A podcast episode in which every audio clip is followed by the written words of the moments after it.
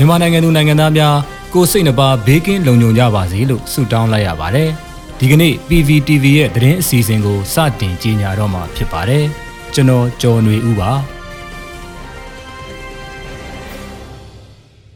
အခုပထမဆုံးအနေနဲ့အမျိုးသားညီညွတ်ရေးအစိုးရကအကြမ်းဖက်စစ်ကောင်စီလက်နက်ကင်တပ်တွေရဲ့ထိုးစစ်တွေနဲ့ပတ်သက်တဲ့ထုတ်ပြန်ကြေညာချက်အမှတ်ကိုမြင့်ဆောင်2021ကိုထုတ်ပြန်လိုက်တဲ့သတင်းကိုတင်ဆက်ပေးမှာဖြစ်ပါတယ်။ အမျိုးသားညီညွတ်ရေးအစိုးရကအကြမ်းဖက်စစ်ကောင်စီလက်နက်ကင်တပ်တွေရဲ့ထိုးစစ်တွေနဲ့ပတ်သက်တဲ့ထုတ်ပြန်ကြေညာချက်အမှတ်ကိုမြင့်ဆောင်2021ကိုယနေ့နေ့စွဲနဲ့ထုတ်ပြန်လိုက်ပါတယ်။မင်းအောင်လှိုင်ဦးဆောင်တဲ့စစ်ကောင်စီဟာဖေဖော်ဝါရီ၁ရက်နေ့မှာနိုင်ငံတော်အာဏာကိုအကြမ်းဖက်မတရားသိမ်းယူခဲ့ပြီးနိုင်ငံတော်ဝန်ရှိအပြစ်မဲ့အယက်သားပြည်သူတွေကိုတပ်ဖြတ်ဖမ်းဆီးနှိပ်စက်ခဲ့တာ9လ4ရက်တိုင်ခဲ့ပြီဖြစ်ကြောင်းစစ်ကောင်စီရဲ့အကြမ်းဖက်မှုတွေကိုနိုင်ငံတော်ဝန်မြို့ကြီးတွေမှာသာမက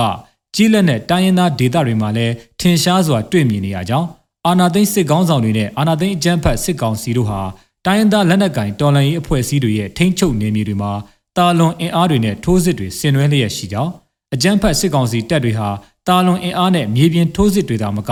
လေကြောင်းတိုက်ခိုက်မှုတွေကိုပါလှုပ်ဆောင်နေတဲ့အတွက်တိုင်းရင်းသားဒေသအသီးသီးကအယက်သားပြည်သူတွေဟာအိုးအိမ်စွန့်ခွာလျက်ထွက်ပြေးတိမ်းရှောင်နေကြရာအယက်သား3သိန်းကျော်ရှိလာပြီဟုကုလသမဂ္ဂအစီရင်ခံစာများအရသိရှိရကြောင်း ဘာသာရေးအဆောက်အုံတွေဆေးရုံကျောင်းစားတဲ့ရက်ဖက်ဆိုင်ရာအခြေခံအဆောက်အုံတွေမှာတက်ဆွဲတာ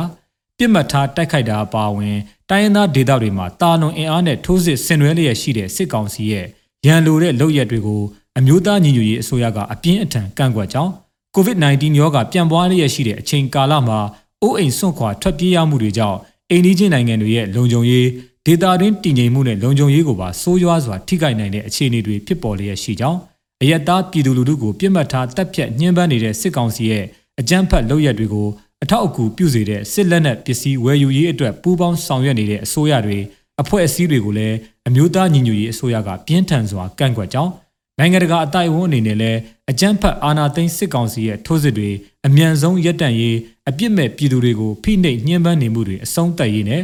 အာဏာသိမ်းမှုအဆုံးသတ်ခါကျူးလွန်ခဲ့တဲ့ရာဇဝတ်မှုတွေအတွက် တာဝန်ခံမှုရှိလာစေရေးထိရောက်စွာဆောင်ရွက်ပေးပါရန်အမျိုးသားညီညွတ်ရေးအစိုးရကအလေးအနက်တောင်းဆိုလိုက်ကြောင်းစတဲ့အချက်အလက်တွေထုတ်ပြန်ချက်ထဲမှာပါဝင်တာကိုတွေ့ရပါတယ်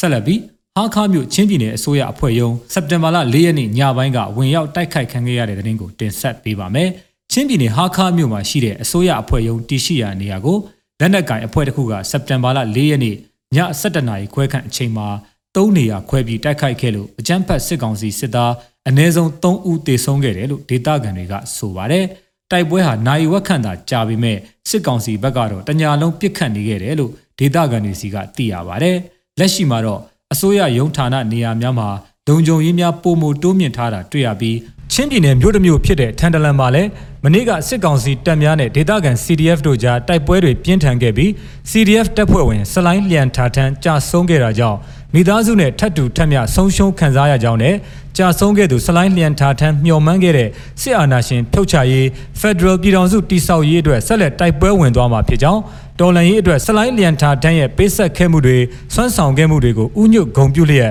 မှတ်တမ်းတင်အပ်ပါကြောင်း CDF ထန်တလန်ကထုတ်ပြန်ကြေညာထားပါတယ်ခင်ဗျာ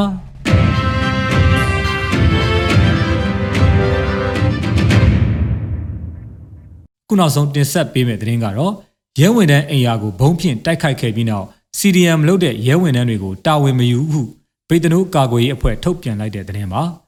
CDM မလုပ်ဆောင်ပဲစစ်ကောင်စီအလို့ကြအလုတ်လုံနေတဲ့ရဲတပ်ဖွဲ့ဝင်တွေကိုသတိပေးတဲ့အနေနဲ့မကွေးတိုင်းအတွင်းရဲဝင်တန်းအိမ်ယာတစ်ခုကိုဗေဒနိုးနယ်မြေပြည်သူ့ကာကွယ်ရေးတပ်ကဒီကနေ့စက်တင်ဘာလ9ရက်နေ့မနက်မှာဘုံခွဲတိုက်ခိုက်ခဲ့တယ်လို့ထုတ်ပြန်လိုက်တာပါမကွေးတိုင်းဒေသကြီးမြို့သစ်မြို့နယ်ရွှေလာရောင်ကွက်သစ်ရက်ကွက်က ဒေသအခေါ်မြောက်ရဲစခန်းရဲဝင်တဲ့အင်ယာကိုဒီကနေ့မနက်အစောပိုင်းကဘုံနဲ့တိုက်ခိုက်ခဲ့ပြီးဗေဒနိုးနယ်မြေပြည်သူ့ကာကွယ်ရေးတပ်မတော်အနေနဲ့ပြည်သူလူထုနဲ့မပူးပေါင်းပဲအကြမ်းဖက်စစ်ကောင်စီအလို့ကြတာဝန်ထမ်းဆောင်နေတဲ့ရဲတပ်ဖွဲ့ဝင်တွေနဲ့မိသားစုဝင်တွေရဲ့အသက်အိုးအိမ်စီးစိမ်ကိုတာဝန်ယူမှာမဟုတ်ဘူးလို့လည်းသတိပေးထားတာဖြစ်ပါတယ်။ဗေဒနိုးနယ်မြေပြည်သူ့ကာကွယ်ရေးတပ်မတော်က PDF တွေနဲ့ပူးပေါင်းပြီးအာနာသိန်းစစ်ကောင်စီပြုတ်ကျသည့်အထိတိုက်ပွဲဝင်သွားဖို့ရှိတယ်လို့လည်းသူတို့ရဲ့ထုတ်ပြန်ချက်မှာဖော်ပြထားပါတယ်ခင်ဗျာ။ ရေတော်ဘုံအောင်ရမည်ရေတော်ဘုံအောင်ရမည်